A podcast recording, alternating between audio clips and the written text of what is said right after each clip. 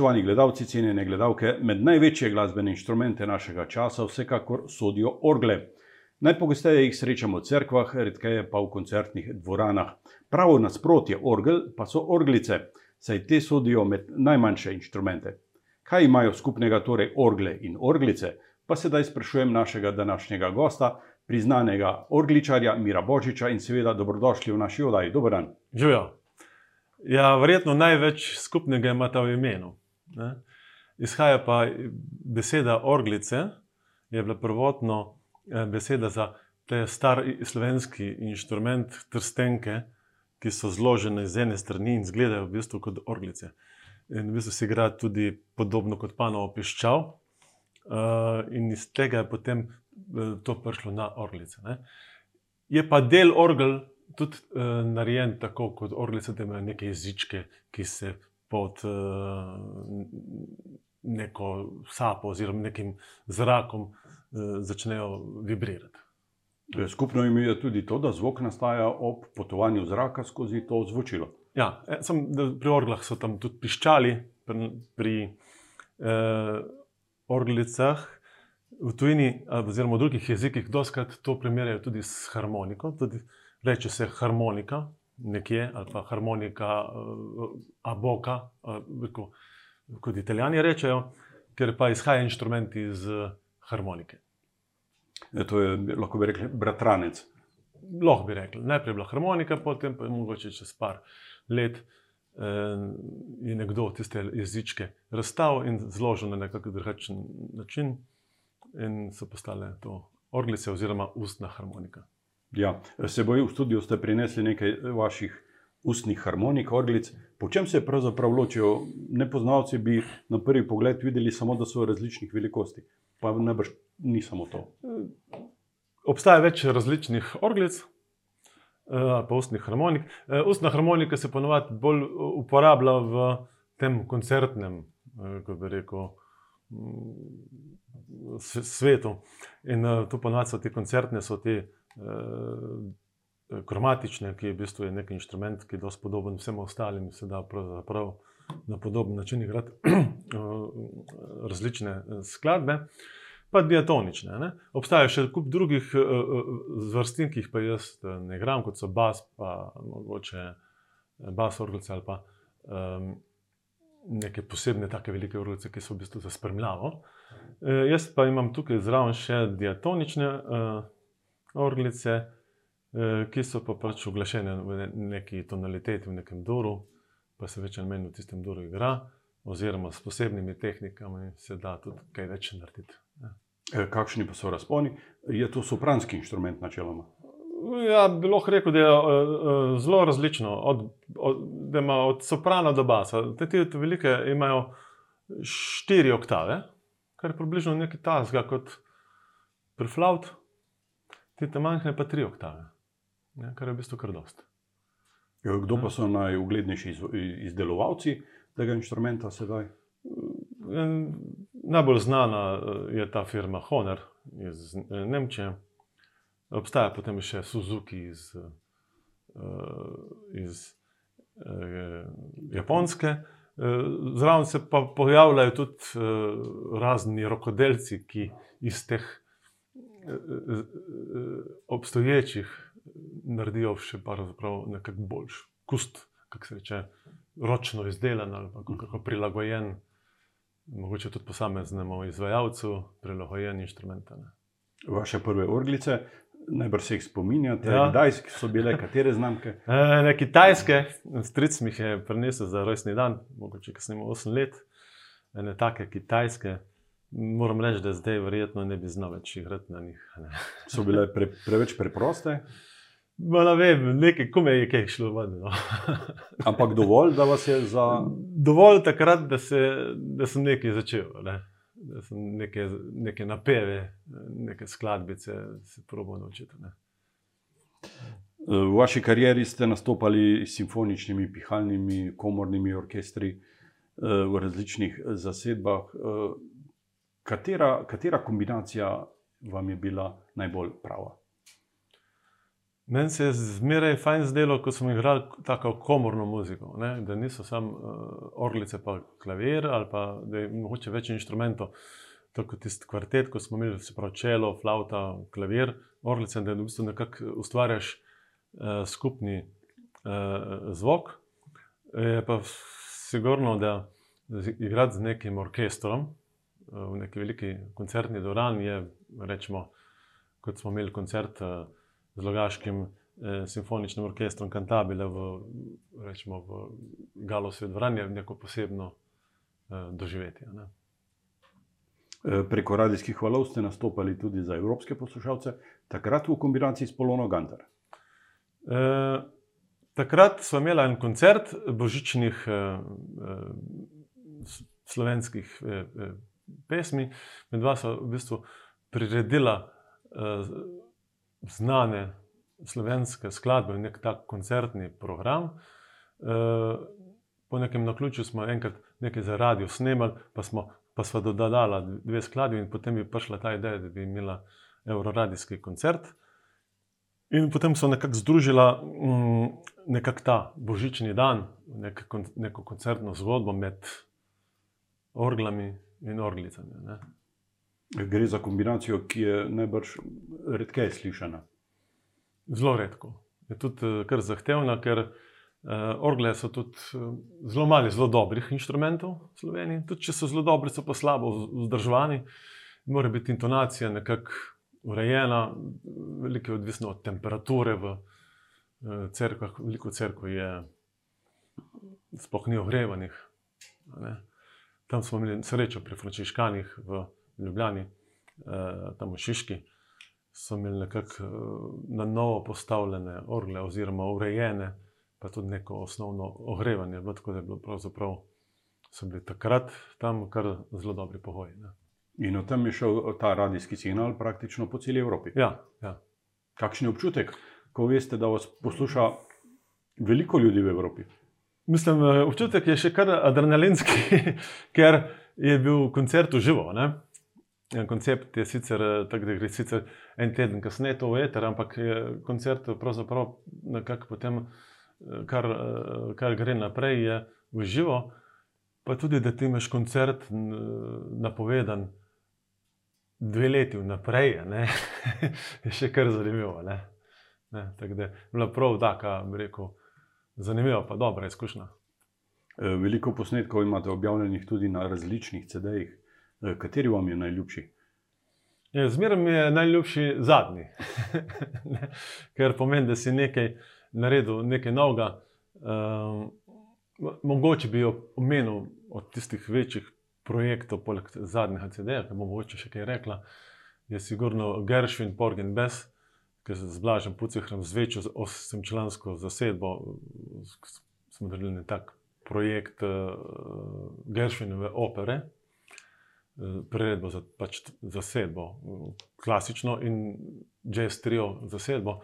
Pa ta harfa drobnega dežja, uh, ki pa pač CD, ki je šel pri založbi RTV, na kateri je tudi uh, ciklus uh, petih skladb Petra Planjavskega, virtuoza in skladatelja iz Avstrije, zelo znanega, ki je za naju napisal pet skladb na temo Srečko tako seveda. Ne.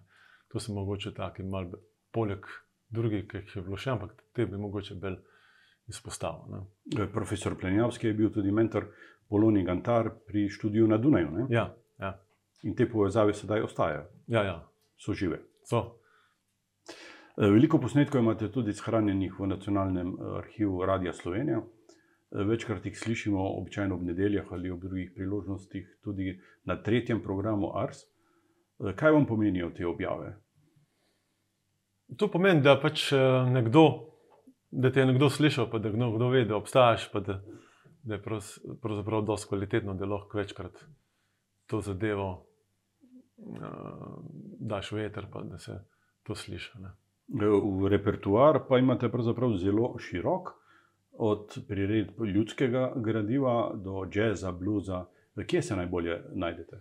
Najbolj se znajdem tam nekje vmes. Ne, ne bi rekel, da sem prav jazz, igral jazz, ampak tam mogoče nekje med nekje vmes, bi rekel. Ne. Uh, imam, delal sem tudi nekaj čist klasičnih uh, skladb, uh, nekaj tudi čist klasičnih sodobnih skladb, pa folk, ampak mogoče neka kombinacija mi najbolj paše.